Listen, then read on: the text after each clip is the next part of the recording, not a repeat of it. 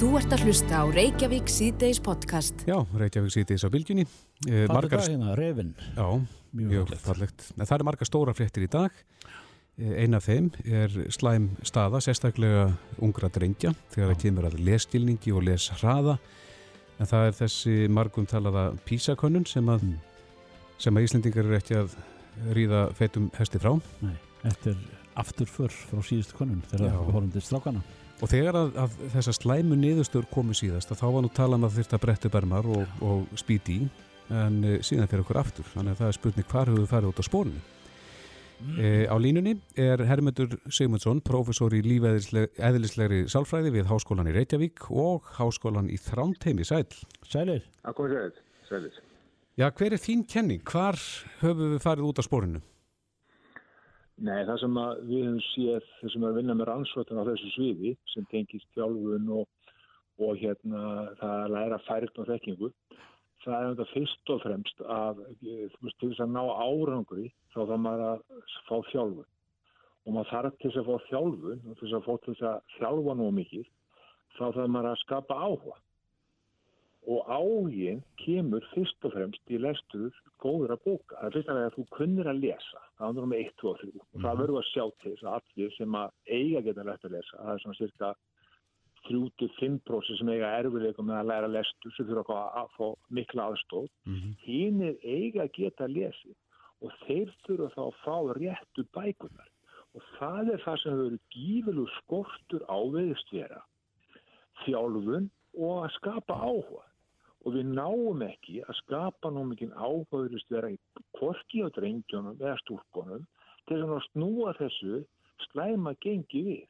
Mm. Og ég held ég að tala við aftur fyrir nokkuð mjög síðan um akkurat eh, niðurstöðuna þá sem ekki voru náttúrulega góðar heldur. Þannig að En, en, en Hermundur taland um áhugan uh, var áhugin meiri hér á árum áður þegar við eh, stóðum okkur betur?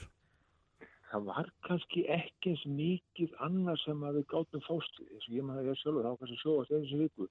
Eða sko það var kannski komið sjóapeldi hjá mörgum öðrum sko. Mm -hmm. það var að við vorum meira, ég maður sjálfur maður var að lesa ykkur að bæku maður var að fástu, maður var að tala við fólk maður var í maður var, maður var fyllt eftir líka á annan hátt. Mm. og það sem að sé líka gífurlega mikið af þessu árangu, það er eftirfylgni. Mm og þú veist að hverjir er að fylgja krökkunum upp að þeim náu þeim árangur sem þau þurfu. Það er þetta samspil skólans og fóreldra. Mm. Þess að fylgja krökkunum eftir þau sé ekki bara í iPadum með tölfunni heldur taki líka upp bók og við getum verið örugum þegar þau lesi það þá bók mm. sem passa þá fyrir þau og við sá það í Nóri og Norrlandur og það er gífurlega mikilvægt að finna réttu bækunar. Ég er búin að tala um flerri seffræðingra á þessu sviði í bæði Finnlandi og, og hérna í Nóri og það er algjör líkil til þess að fá krakkan til að lesa það er að finna áhugaður En Hermundur, svo er það kannski allt og sjálf að nefnda það það er eitt að vera kennari og annað að vera kennari. Menn þurfa að hafa ákveði lag og vera uh, geta laðað fram áhuga svið nefnandans og, og allt þar saman eftir göttunum eru kennarar í dag verrið að betur enn voru? Er þetta sama, sami farvegur? Já, ég held að sko áður fyrr uh, þá var meiri áhersla á að allir kennara getur kent krökkum að lesa. Og þau lærðu algjörlega þá aðferðafræði sem var mikilvægt til að ná að kveiki áhugan og finna hver hvert barn var. Finna nákvæmlega hversu marga bókstaf og hljóð kann viðkomandi barn og hvar er hans stattu þegar hann kunna lesa fá það réttar áskoðum Er í nútímanum í þessum efnum þessu ábótavand? Maður heyri talað um það að nýmentaði kennara vilji helst ekki kenna krökkum að lesa og það er stórt áfall og náttúrulega kríti fyrir það stofnari sem er að menta kennara að við ekki séum örug á því að menta börn í svo mikið aðrið eins og lestur er það verður þannig að kunna allir sem þetta gefast út til þess að vera að kenna það meina ég sko Af hverju stafar þetta áhuga að leysi? Það er þetta er náttúrulega ákveðin áskorun sennilega í dag að, að, að meina áhuga þessi hjá Það kennur um að kenna lestur? Já, ég kennur þau og það, það, það er að spyrja þá ekki mig. Æ, en ég sé það kannski ekki við að gera nóg mikið út úr lestum. Ég man í, í, í, í gammaldag og talaði fullt að kenna þessu og að kenna þá það var rosalega mikilvægt að, börnin lærða að lesa. Og það var allt lagt í sölutna hjá þeim kennara sem var með þau börn. Og það þau fengið að fylgja þeim krökkum eftir þeirra bekk til þess að næðu því, því takmarki að lesa. Og það veist að skorti svolítið að þá bæði sambandi millir kennarana og fórelduna að þetta batt hérna, það á hann á að lesa. Og við skoðum hjálpa þeim að finna skaman að lesa bækur og koma inn í þannig skemmtilega heim sem bækur eru. En Hermundur, hvað með það að koma lestrarefninu inn í snjáltækina því að nú eru börnin svolítið mikið þar? Það sem virðist vera og það sem maður ansvönd sína fram á að það virðist vera ómikið yfirflata ná. Þú þarf ekki þess að djúbu texta sem þú ætti að lesa sem er í písa núna, það er 15 ára. Það eru texta sem þú ætti að geta lesið og skilið. Þarf það að fara í gegnum slíka texta áður. Þú getur sett inn og skilið hvað er texti fyrir um. Og þetta djúpa nám, þetta djúpa þekking sem þarf það í áðurlast, hún er ekki til staðar eins og var áður. -hmm. Því að það þarf að þjálfa. Þetta er alveg sama, í, alveg sama hvað, í, hvað það er að góður í. Það þarf virkilega að þjálfa. Því meira sem ég lesa þessum, sem, sem, mikið af rannsóknum, það er, tvent því að segja. Mm -hmm. Finnum, sköpum áhón í gegnum bækur og gefa krökkunni réttar áskorunni, ekki gefa um erfara áskorunni heldur, þess sem ég algjörlega móti og fremsti fræðum að finna hætti líkinn að móti lesraðamælingum því að einhverju sem þurfa ekki að vera mæltur að lesa þá eru þessi slökusibötnin sem þurfa að fá gleðin að vera að lesa mm. við erum að testa 40 spött trísar á því lesa þá segir þessi átt, við erum ekki á rétti leið. Það er sagt, það er stefna hún er raung mm. við verðum að byrja að stjórna þessa stefnu með að við rannsóknir alþjóðlega góða rannsóknir þegar að mentaransóknir því miður er og lítið að mentaransóknir á Íslandi. Hermundur, en, en nú förum við ítla út úr þessu, það er afturför frá síðustu písakönnun og þetta sem að mentamálar á þeirra kynnt í morgun sínir náttúrulega við erum við erum bara slakarinn öll á Norðurlöndum þið á Norðurlöndum en, en hvernig er þessum málum hátta í Nóri stennst þetta samanburð? Já sko þeir eru sko þeir eru að berjast fyrir því að náttúrulega þeir, þetta er náttúrulega áskorun hjá öllum þessum löndum hvernig við náum að draga krakkana frá þessu snjart símum og hérna og hérna tækjum. Það eru fleiri og fleiri skóla núna í Nóri, grunnskóla, hérna banna snjart síma inn í skólana. Mm. Þess að krakkani sé ekki á símanum allavega. Svo þarf það gífurlega mikla og góða kennslufræð til þess að vita hvernig þetta nota þessi snjartæki, þessi, spjaltörfur. Það þarf gífurlega mikla uh, kunnáttu og reynslu til að nota þær á góðan hátt inn í verkefni. Það sem við erum líka að gera, við verðum að, að, við viljum læra lesturinn, þá verðum við að forgans á að því og ég hef sagt áður og hef komið til þau sem, sem, sem talaðum sem byggjast á rannsóttum, það er að hleypa krökkun átt að leika sér fyrsta klukkutíminu skófanum. Svo tökum við þrjá tíma sinni 40 mínutur með tímitur milli, það sem er lög áherslu á grunnleikjandi ferni lestur, skrift og starfræði. Eftir hádegi þá fara krakkarnir í ímis konar hópa og grúpur þar sem eru að læra hinn þauðin. Þannig að við, við svona fáum bæði tvær, við sláum tvær fyrir einu höggi við eflum hreyfingu og við eflum grunnleikandi ferni.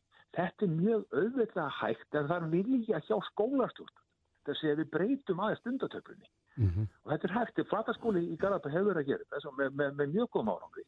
Þannig að þetta, þetta eru möguleika, við verðum virkilega að fórkassa á það. Er greinalegu munur í flataskóla? Flataskóli hefur reynd að láta alla krakkana byrja á hreyfingu og leggja áherslu á grunnleikjandi ferdi. Og þeir eru að reyna þetta, við hefum ekki gert það rannsóknir, það er ekki verið peningar rannsóknir fyrir okkur þar, en við þurfum líka ebla íslenska rannsóknir. Og það er áttaf rosalega pottu brotin við verðum að vita hvernig er staðan hjá okkur, hvaða aðferðafræði er að virka. Við erum átt að aðferðafræði í mörgur skólu sem ekki er búið að prófa almenlega. Er það rétt? Mm -hmm. Ég segi nei, tökum það út, notum aðferðafræði sem mest viðurkend. Hættum að mæla að lesa, leggjum áherslu á lesskilning og krakkin lesi þá allavega á þjálfunina. Fá áherslu á þjálfunina sem fremstu fræðmenn í heiminum finnir Tönnusen og hún Kate Nason og svona. Þurfum að hlusta á þess að fremstu fræðimenn meina ég sko, þá myndir við strax ná mun betri árangur allavega að snúa við og, og það spilni bakka. Þetta er ekki hægt lengur því að við erum ekki bara í lesturinnum, er líka náttúrufræðinni.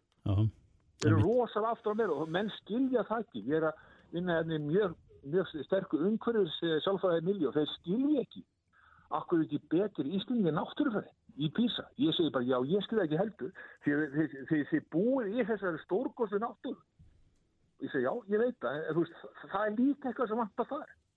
Og þetta verður að byrja miklu fyrir líka með náttúrum. Við getum ekki sett okkur við þetta, við séum aftur á meirinni í náttúrufræði heldur. Nei. Þannig að við þurfum virkilega að taka okkur tak og fara að skoða hvað finnst á góður ansvönd, hvað segja fremstu fræðiminni heima og nota þetta inn í skólakirfi. Mm -hmm. Þetta var lokað, algjörlega lokað þess að kenna þetta eitthvað háskóma. Hermundur Sigmund, Sigmundsson, professor í lífæðislegri sálfræði við HR og háskólinni Þrántemi. Alltaf kraftugur, örglegt er að heyra þér aftur þegar nýja písakonunin kemur. Aftur, takk fyrir sendinguna. Já, aftur að blessa. Þú ert að hlusta á Reykjavík C-Days podcast. Já, Reykjavík C-Days á bylginni, hún er komið til okkar. Áslögu Arna Sigurbjörnsdóttir, dómsmála ráð þeirra, velkomin. Takk fyrir það. Þetta er stór dagur hjá þér í dag að kynna nýtt stipulag lauruglunar.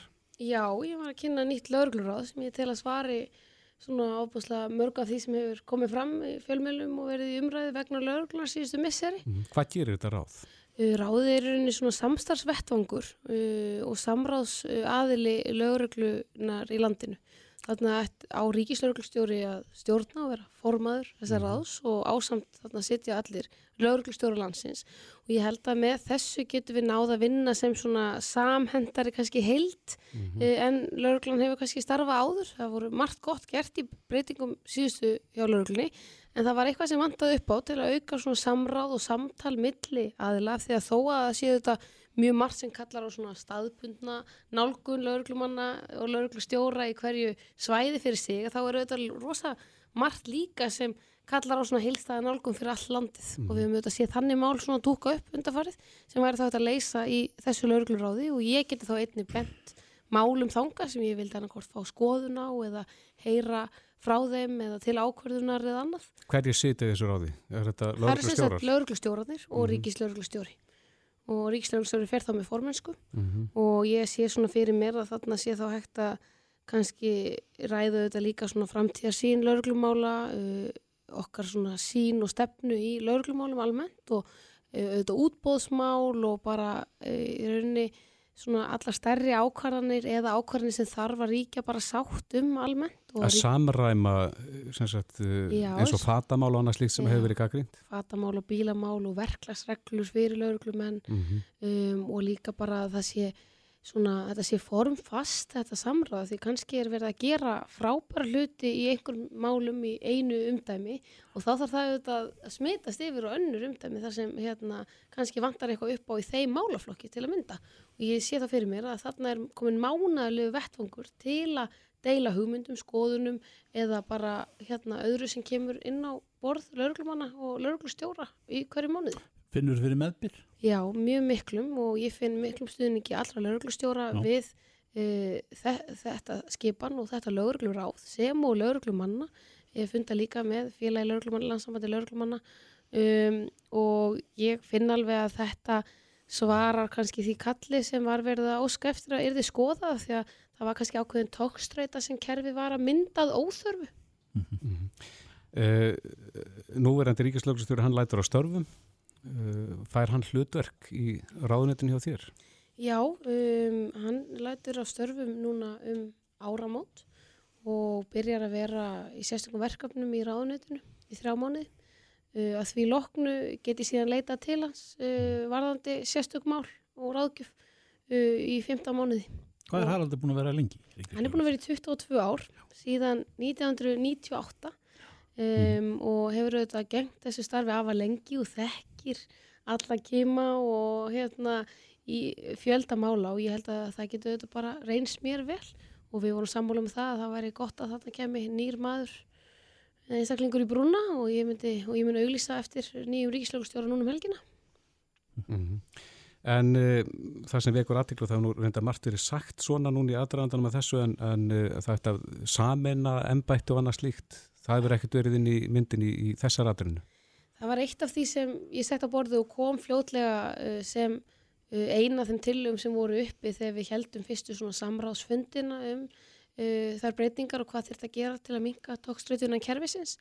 Um, sí, ég ákvað síðan að fara þessa leið, hún er einfaldari, skilvirkari og að mínu mati svarar svona uh, því kalli sem kom um, og svona því sem mestu vankantanir eru á að því að rót flestra vandamál einhvern veginn sem hefur komið inn á borður áðunetins annarkort fyrir mína tíð eða eftir að ég tek við snú einhvern veginn að uh, samráðsleysi og margt sem hefði verið hægt kannski að gera betur ef það hefði verið haft meira samtal um ákveðna hluti. Um, og varðandi sammenningarnar að þá tel ég þó að það þurfa alltaf að horfa til framtíðar, sjá hvort að það er síu til hagspóta fyrir almenning, fyrir lauruglulegið okkar, hvort að setja að nýta fjármunni betur, minga þá yfirbyggingu og minga tvíverknað. Um, ég sé ennþá einhver tækifæri því en tel að það þurfi að leggjast betur yfir það og langar að fara frekar í þá skoðun með nýjum ríkislauglustjóra og nýju laurugluráði á nýju ári. Hvenar verður nýr ríkislauglustjóri ráðin? Þetta ferli tekur auðvitað alltaf ákveðin tíma en ég held að það sé alveg hægt að miða við mars á næsta ári mm. og alltaf reyna að drífa, flýta því eins og mögulegt er. Nýtt fyrirkomulag svona sér til hildarinnar litið, vantar fjármunni? Nei, að við hefum stór auki fjármunni til lauruglunar undanförnum árum. Núna er það orða svo að þetta eru yfir 17 miljardar sem fari lauruglunar hverju ári sem er meira en til dæmis að núverði en 2007 En það eru þetta nýjar áskoranir alltaf og mm. kannski forgangsröðun öðruvísi og við erum að styrkja þá innviði lögurklan sem voru kannski ekki sterkir áður, svo sem er svo skipuleg glæpastarsemi, meðferð kynferðisbrotamála og fleiri tölvuglæpir og svo má lengi telja. Um, en þá líka alltaf að skoða hvort við getum nýtt þessa fjármunni betur og það er ég auðvitað að gera en í þessar atrinu minni mun ekki þurfa aukið fjármagni. Mm. Þú hérna starfaði sem lauruglumæður eins og fræktur orðið. Eh, bjóstu að, að þeirri reynslu núna við, við þessa vinslu og er það að hjálpa þið núna í starfi? Já, ég fekk að vera lauruglumæður í tvö ár um, og það gaf mér alveg ómetanlega reynslu. Ég held bara í rauninni, sko, þó að það gagnist mér auðvitað að þekka til innan lauruglunar hvernig hérna kerfi virkar og funkarar og, og allt það, þá held ég að það sem gagnast mér mest var svona insýnin í starfi sem slíkt og bara það að þekka hvað, hverju lauruglumenn er að mæta á hverjum degi, hversu fjölbreytt verkefni það er, það er kannski auðvelt að ímynda sér það en það er annað að starfa við það mm -hmm. og ég held að það svona hjálpi mér að bara með aukinn skilning á kannski verkefninu sem mhm. slíku. Mm -hmm. En þeir hafa kvarta líka við því að vera á fáir? Já og það hefur auðvitað uh, verið lengi umræða hver, hversu stór lauruglina hefur að vera og það hefur búið að auka í þeim umdæmum þar sem álæð hefur aukískana mest eins og í, á Suðurlandi og Suðunesjum um, og það eru þetta alltaf markmið okkar að meta það hvar, hvar þurfi fleiri lauruglumenn. Við erum að menta fleiri lauruglumenn núna og erum að fá þá inn á, uh, inn á atvinnumarkaðin í dag aftur, uh, sem sagt núna frá skólanum og það eru þetta gott og við þurfum alltaf að þróa þessa mentuna því að það er líka það við þurfum fleiri, við þurfum líka kannski öðruvísi mentaða lauruglumenn með nýjum áskorunum. Mm -hmm. En aðeins að þessum breytingum, telur að þetta sem að nú hefur verið kynnt, þar sem skipum þessa ráðs, að, að þetta komi til með að slá á þessa óanægu sem hefur verið e, ábyrjandi í fjölmjölum? Já, og ég átti rosa gott samtal við alla aðila e, í aðdraðanda þessar ákvörunar og um þær tilugur og um kerfið og annað til að bæði koma mér inn í það og líka bara til að við myndum átt okkur svolítið á því hvar væri vandamálið og hvernig við gætum leist það um, og ég held að þetta komi fyllilega til móts við það í raun. Mm. Í, í hverju kristallaðist þessi ágærinningur að þínum hattin? Sko, það er bara í rauninni hægt að segja að það var kannski komin bara svona ákveðin nútur á ímismál. Uh, það eru þetta einhver mál sem hafa komið hér til umræðu sem spretta auðvitað þá frá lauruglumönunum sjálfum þegar þeir finnst bílakosturinn ekki vera nægilega góður eða fatamálinn það er svona bara svona frá dags frá degi mál sem áauðvitað að vera hægt að leysa bara. Mm -hmm. um, síðan eru þetta önnumál sem einhvern veginn fylgdi kjölfarið en það kristallaðist kannski allt bara í því að það, ég myndi telja að öll þessi mál hefði verið hægt að leysa með farsætlega hætti uh, ef það væri svona formlegt samráð þar sem allir getur sett mál á dasgrá og rætt mánæðilega mm -hmm. og nú er það auðvitað undir lögurglustjórum og nýjum ríkislögurglustjóra og fyrst settum ríkislögurglustjóra að koma þess á fót og gefa sér, gefa sér að þessari vinnu svo að þetta gangi sem best. Mm. Ef við stilir rétt að þá eh, vonastu til þess að, að skipa nýjan ríkislöglustjóri mars. Já, ég byrði honum við það. Hve- Hvenar verður starfið auglýst, löstu lumsókn? Ég ætla að reyna að auðlýsa það bara um helgina. Já, Ég bara geng reyndi verks og nú er þetta staðan og þá þurfum við bara að finna góða mannesku í starfið og ég vona að ég fái mikið af góðum umsækjandum um þetta flotta og mikilvæga starf. mm og e, þar, við komum til þar vantilega að vita sko, hver framtíð embættisins verður. Já, ég greindi svolítið frá því í dag. Ég sé e, tækifæri í því að styrkja þann hluta ríkis lögreglustjóra embættisins sem snýr, snýra samræmingu og stjórnsýslu hlutverki og kannski eftirlits hlutverki Mm og það er gert annars staðar á Norðurlundunum og við erum að sjá að það sé svolítið einblind á þann hluta þessa embættis sem er mikilvæg þó hluti á þá hinn staðbundnu lögreglustjóra embætti. Serðu fyrir þá að uh, alþjóðadeildin, greiningadeildin, sérsveitin að þetta, það, þær deildir flýtist annað? Ég held að það þurfum við að skoða það á samt nýju uh, lögregluráði en líka á samt uh, nýjum ríkislögreglustjóra og hann þurfa að koma á mótun uh, embættisins sem slíkur og ég vil fá einstakling þar einn sem er tilbúin í það með mér. Mm Áslög Arna Sigurbjörnsdóttir, dómsmálar á þeirra. rétt áður úferð Já. stuttum áfengiskaup á netinu og mannanöfn Við þurfum nú að koma í það. Litlu-málin. Já, það eru fjölmörg mál sem ég hef með í gangi í ráðnetinu Já. og þetta eru tvö af þeim sem þú nefnir hérna.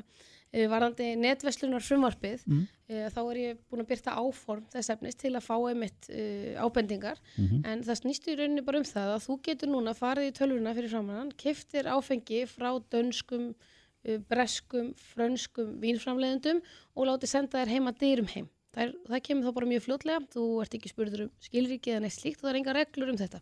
En við getum ekki bannað þetta því þetta er bara frjáls netverslun.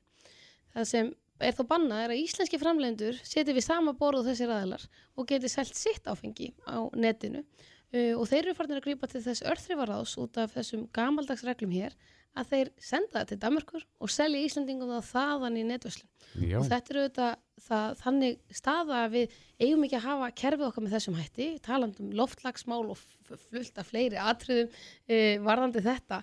En fyrst og fremst er ekki og það er ekki verið að auka aðgengi áfengi með einum hætti. Aðgengi áfengi eru auðvitað fyllilega til staðar, þú getur nálgast á netinu öllum þessum vínveitingarleifum sem alltaf er verið að fjölga um allan bæ og auðvitað í áfengisbúðum þar sem áfengisveslu ríkisins þar sem alltaf er verið að lengja opnunatíma og fjölga veslunum Þannig að þetta er bara spurning að taka þetta úr búðunum og setja þetta í tölvuna og það verður þá settar skýra reglur um afhendingu uh, þess aðla sem veslar net, áfengi á netinu og uh, tekur við því og það séu þá reglur, sömu reglur um takmörk og aldur og annað slíkt. Þannig að þetta er það mál og ég held að þetta sé nú bara eðlilegt framfara skref sem fólk ætti ekki að hafa miklar áhyggjur af, þetta er ekki að fara í bónus en mannanöfnin er svo annað Já, já, við skulum geima það til og betur ég kem kannski bara í sér, sér spjall hérna Kafla um tvö. það, er það ekki? Jú, Áslög Arna Sigurbjörnsdóttir, kæra þætti fyrir komuna. Takk. Takk fyrir mig. Reykjavík síðdeis á Bilginni podcast. já, fallet lag en uh, dómsmálar á þeirra horfin og braut en aðteglisvert sem hún saði náttúrulega margt um, um löggjæslan og, og ná- nánust framtíð hvað það varðar, lauruglumálin öll en, en, en líka þetta að því að nú er nú mikil viðskipta tíð og, og menn er að, að kaupa sér inn alls konar vínföng. Mm að það sé til í dæminu að e, til að geta veslað á netinu þá með íslenskan varning Já. þá þurfum við framleiðundur að selja hann fyrst í Danmörkur til þess að koma honum hingað heim aftur. Já, já, fara svona krókalið. Já, maður finnur þetta færir í krókaleðunum menn finna alltaf leið. alltaf Herru en, uh, talandum að fara úr einu í annað, uh, ein mest lesna fréttinin á vísi.is í dag er með þessa fyrirsögn hér. Íslensku markþjálfi hefur stundar kynlíf með eigimanninum í 4000 daga í röð. Já, í röð, Já. eða samflýtt Ég, ég hugsa það að, að ansi margar eiginkonur hafa fengið þessa frétt senda í dag. Ég býstu því að þetta sé mest deilda fréttin líka. En Sigga Dögg, kynfræðingur, er á línni, komdu sæl. Sæl, Hæ, hæ. Já, þessi frétti við vætið aðtegli. Já, hún hefur gert það. Vakti hún aðtekli hjá ykkur líka? Já, Sendi síðana áfram? ég verða að viðkjöna það, já. Og hvað skilabótt sendur með? Æ, Ég, það voru engi skilabót, það var bara svona...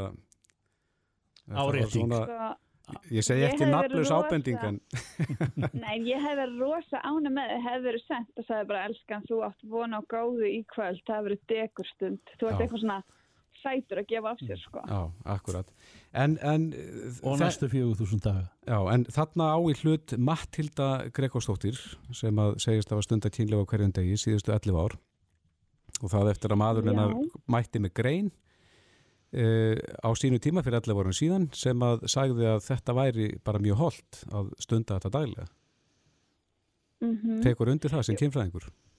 Sko, ég myndi segja til dæmis, eh, við þurfum nefnilega að byrja á einu, hún, þau segja bara kynlíf. Við veitum ekkert hvað þau eru að gera eða hvernig þau eru að gera það. Nei, Þannig að þetta getur verið nú ansi fjölbreytt og það Mhm. stendur heldur ekkert um kynlífs ánægi, hún segist bara vera uppfulla orku. Þannig við veitum ekkert, er kallin ánægi með þetta? Er, búst, við þurfum svona aðeins meiri upplýsingar. Svo er hún markþjálfi sem segir mig það að hún er örugglega góð í að setja sér markmið og standa við það. Þannig að hún hefur ákveðið þetta og einsett sér það. En við vitum ekki, er þetta tvíhliða kynlíf, er þetta einhliða kynlíf? Við að sjálfsög, ég myndi alltaf skrifa upp á sjálfsfróðun og dag kemur skapinu í lag. Mm og við vitum það að þegar það er kynlífsleysi í sambandum þá verður oft minna um svona nánd og minna um líkamlega snertingu. En það er líka bara út af hvernig við hugsum um kynlíf. Þannig ég myndi aldrei skrifa upp á þetta fyrir fólk sem bara þetta er lausnin, nú er allt frá af því að það er bara rosa mikið af fólkistrákar sem stundar leiðilegt kynlíf. -hmm. Þannig að Góði ef að þið- fjögur það þúsund er- dagar að leiðilegu kynlífi, það verður kannski ekkit Já, það Já, er nú bara fangilsistómur. Og það, það er tekið á móti ykkur en þegar ég kemur heim á vinnuna og hafa sagt bara, já, upp með hann, upp með hann, komdu, upp, upp, svona, þú veist, það er kannski ekki beint hugulegt. en, en uh, 4000 dagar þar sem að annað hefur kannski um það að segja það sé haldið út Já, svo er það náttúrulega annað. Það er annað, það er svo margt í þessu. En það er líka, sko, það maður náttúrulega horfa líka á kynlíf sem margt. Ef þau hugsa um þetta, þú veist, skiptar fullnæðingar máli, skiptar þar ekki máli, er það eitthvað svona hvað skilgurna sem kynlíf? Er það bara einhvers konar náinn snerting við kynfærin í x tíma eða á önnur mannskjan að fá fullnæðingu eða báður að fá fullnæðingu? Við þurfum bara algjörlega að krifja þetta mál með henni og fá bara betri leiðbynningar. Kannski ættum bara að skrifa einhverju uppskriftabók. En, en svona almennt þannig við förum að ljúka þessu er, er gott fyrir pör að, að fastsetja einhverja daga? Það er rosa mísend eftir pörum. Ég myndi fyrst byrja því að segja af hverju stundum við kynlíf og hvernig kynlíf viljum við stunda. Það er fyrsta spurningin. Svo má útferða nánar. Einmitt. Og þess má geta að það er að finna þessa fréttin á vísi.is og þetta kom fram í þættinum undir yfirborðunar hringbröðinni. En uh, Sigga Dögg, áhugaverðar vangaveltur, kæra þakki fyrir þetta. Takk, takk Takk fyrir mig. Bless. Þetta er Reykjavík C-Days podcast. Jæja, Reykjavík síðdeis við heyrðum í Hildi Björnsdóttur, borgarfulltrú og hérna áðan og hún Já. sagði að það væri hasar í borgarstjórn og það segir hérna fréttin á vísi.is að, að Víktis Haugsdóttir, borgarfulltrú í miðflokksins, kallaði Dóru Björnt Guðjónsdóttur, borgarfulltrú á Pírata, drullu sokk meirihlutans og skítadreifara. Já, Og umælið þessi áttu sér stað á fundi borgarstjórnar Reykjavíkur í dag og í kjölfar þess fór Pavel Bartótsek, fórseti borgarstjórnar fram á mhm, að borgarfulltrú að gættu orða sinna. Já Þannig að það er ekki hitt í, málum, Já, og menn eru kannski að að svona láta út úr sér óvarlegum hætti miður síðsamlega og kurtislega orð Já. mm. Hún hérna, Dóra Björt, hún hafði sakað borgarfulltrú á miðflóksins um rembing og einangurunar e, higgju Mm. vegna gaggrinni þeirra á auðvitaðlandsverði borgarfulltrú og stafsmanna. Þá stegi við þessi pontu og gaggrindi að ræða Dóru hefði ekki verið stöðuð því slíkt væri hægt ef ræðumadur færi úr hófi. Þannig að Já, já, Það er verið að ræða stóra máli þarna en það var e, stórt mál rætt í dag e, Dómsmálar á þeirra búða til fundar þar sem hún kynnti e, nýbreytni nú er hún stopnað hérna löggæslu ráð Já. einhvers konar þar sem að lögreglustjórar e, sitja á samt ríkislögreglustjóra sem að svona stýrir þessari vinnu og þessum fundum. Örari og, og betra, betra samband milli embætta og er það ekki rétt skil hjá mér að, að, að hérna Jó, þarna er komið kall- sko þetta samræmingar Já, hlutverk sem að já. ríkislögreglustjóri átti að sinna á sínu tíma. Mm en, eh, en hérna lauruglustjórar hafa verið núna í sitt hvora hotninu að, að græja og gera fyrir sína menn. Já, já, En á línunni er Kjartan Þorkelsson, lauruglustjóra á Suðurlandi sem að hefur uh, þegi bóðum að, að stýra ennbætti ríkislauruglustjóra þangar til að nýri verið ráðinn. Sæl Kjartan. Já, komið sælir. Þú ert nú þekktur fyrir krísustjórnu þegar eitthvað alvarlegt gerist í náttúrun á Suðurlandi, þannig að þú ert ekki óvanur. Nei, þetta er nú kannski svolítið öðruvísi, þetta mannlega eðli heldur en náttúran, eða ekki? Já, já. Ódregnaleg. Já, já, kannski jafn ódranglegt, já. Það heyri þá ummálunum sem við vorum með náðan, borgarfullskrúana. Já, já, akkurat. Það geta sagt ímislegt. Já, já. Einmitt. En uh, hvernig líst þér á verkið? Mér líst bara vel að þetta. Ég bara er ánaður með að það fengi þetta tækifæri og þakka það tröst sem mér er sínt og, og lít bara björtum auðan fram á veginn. Ég er náttúrulega bara með þetta tímabundi í svona tvo mánuði, komið þessu svona stað. Og hvað, hvert verður þitt verk? Hvað, hvað kemur þú til með að gera? Mitt verk er nú kannski að bara hefja þessa vinnu sem að dómsmálar á þeirra vera að kynna við þessi verkefni, hvað menn vilja flytja frá ríkislagumslega og hvernig menn vilja sjá uppbygging á þessu embætti en ég er náttúrulega, eh, finnst það eðlilegt að nýri ríkislagumstjóri sem verður skipaður í það komi meira að sína framtíða mótun embættsins en, en grunnurinn verður kannski lagður á stað, við leggjum á stað og, og, og sjáum hvað hérna og vinnum þetta með starfsmönnum ríkislagumstjóra, það er hægt og gott fólk Já, og með lauruglustjórum og ráðnettinu og, og ég held að það sé dólti stort aðtrið að vanda sig bara og, og sjá hvað verkefnu er best fyrir komið og, og vinnunni. já. En Kjartan, þú ert eh, einn af lauruglustjórum. Er, er sátt með þessar tillögur og, og þessa nýbreytni meðal, meðal ykkar lauruglustjórana? Það sem ég hef heyrt í mönnum, að þá sýnist mér þannig að vera, já, að það sé sátt um þetta svona á það leið sem verður að fara. Ef að það er rétt mitt hjá mér að, að þá, þá hefur lauruglan haft á sér íhald saman blæ, þar að segja svona stjórnunarlega séð. Uh, hún á að vísa að vera först fyrir og, og, og nokkuð fast mótuð en, en má vera meiri sveigjanleiki frá einum tíma til annars má bregðast hraðar við breyttum teknilegum aðstæðum og, og svo framvegis Ég held að þetta sé kannski tækifæri til þess að, að menn muni bregðast miklu hræðar við. Þarna verður mm. skipaður samráðsvettfangur þar sem menn geta að tala sig saman og ég held sko, svolítið samanlökum með það að lögreglan þarf að vera íhjaldsum en hún þarf líka að vera fljótt til og, og snögga bregðast við og við sjáum það nú líka þegar eitthvað kemur upp að þá er hún það oft á tíðum mjög snögga bregðast við Já. og en hún þarf líka náttúrulega að vera snögga bregðast við í þessum tæknimálum öðru slíku sem að menn þurfa að kunna vel að því brotin eru að breytast og með svona breytir tækni. Já, þannig að hefur breyta skipula sem að dómsmálar á það er búin að búin að eh, svona prjóna lítilega með öðrum náttúrulega að það, það er í, í, í þessum anda Já, það er í anda samvinnu og samstarfs sem að ég held að sé gríðilega mikilvægt að öðruglan sé einn heild og vinni gríðilega vel saman og menn takki umræðina. Ég hef vunnið þannig á Söðurlandi með öllum mínum aðlum varandi eldgóðsinn og annað slíkt öllum þessum viðbræðstæðlum að við tölum mikið saman og vinnum saman og þannig skilum við árangri og við skilum best árangri með því að tala saman og vinna saman og ég held að það sé aðferðin sem við þurfum að fara og, og vinna það svona heiðarleik og málefnulega. Já. Uh, Áslegu Arna var nú starfsmæður hjá þér hérna, hvað, 2015-2016, ef ég tók rétt eftir. Já, 2014 og 15 var hún. 2014 og 15 var þá, já, var þá undir þér og nú ert þú komin undir hana. Hvernig, hvernig já. leggst það í því? Það leggst bara vel í mig, þetta er tröstur og góður starfsmæður og, Já, já. og það er er ekkert en bara gott um það að segja. Varst ekki góð við hana þegar hún var Já, þú sér það. Akkurat. En, en hefur þú hugað því að, að sætjum? Nei, ég hef ekki áhuga á því. Ég er, ég er sveitamæður, eins og er sögða beikinda og hérna og vil vera í sveitinni og sinna mínu embætti og hérna ég er með viðáttu mikið embætti sem ég hef gaman að að hitta fólk hér og fara um og, vil frekar sinna því heldur en að fara til Reykjavíkur. Já. Hefur þú hitt starfsfólk ríkislögurstjóra? Nei, ég er náttúrulega þekki mjög marga þar og, og, og hérna veit að það er gott og tröst fólk og þannig að ég hvíði því ekki að hitta það fólk. Nei, akkurat. Uh, Kjartan Þorkelsson, lauruglustjóra Suðurlandi og settur ríkislauruglustjóri. Kæra þakki fyrir þetta. og vegniði vel Já, takk Takk bless. fyrir. Hlustaðu hvena sem er á Reykjavík C-Days podcast. Já, já, Reykjavík síðdeis, það er aðvendan er hafinn. Já, og Fyrst það, í, í hérna sunnudari aðvendu núna um síðustu helgi. já, og það er nú yfirleitt þannig sem að e, það hefur áhrif á, á, á bara mannlífið þar tekur á sig breytta mynd og það er að finna góða við erum að nálgumst jól og, og dimmasta tíma ársins og, Mhm.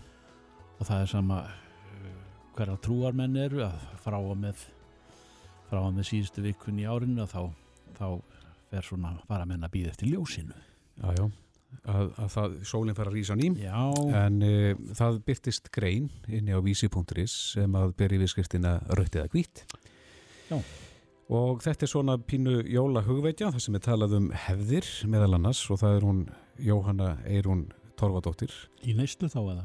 Uh, hefðir í, í slíku? Ja, meðal annars. Já. en Jóhanna Eirún Torfadóttir er doktor í líðhelsu og sérfræðingur í fræðslu og forvörnum hjá Krabbaminsvilæinu, kom til sæl. Sæl, Já, sælir. Já, er þessi grein eitthvað gleðispillir eða hvað hvað er þetta að fara þannig? Nei, ég myndi nú kannski ekki vilja kalla þetta gleðispilli en við kannski um bara rétt á að vita uh, bæði hvað, hvaða áhrif, nei, neikvæð áhrif hvað, hérna, áfengisnisla getur haft og Já, já. kannski líka hvað bara að við verðum kannski svolítið meðveitu um hvað hefur aukist frambóðið á víni og tegundum allt í kringum okkur. He, kannski hefur grunum það að neyslan aukist á þessum ástíma í kringum jólinn?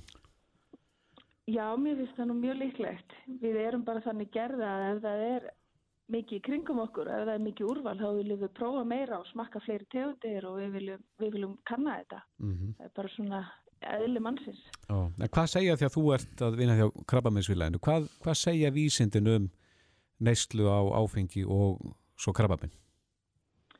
Nú, sem sagt, þetta reyna etanólið sem er í áfengi og, og svo niðurbrúðsefni etanóls í líkamannum, þetta eru bæði skráðir krabbaminsvaldar hjá Alþjóða Hilbrísmálstofnun. Þannig að þetta er krabbaminsvaldandi efni og er sem sagt, sérstaklega valda krabbaminn í meldingaveginum allstað þar sem að áfengi snertir meldingavegin eins og bara í munni og koki og vélinda, maga og ristlu og endaþarmi.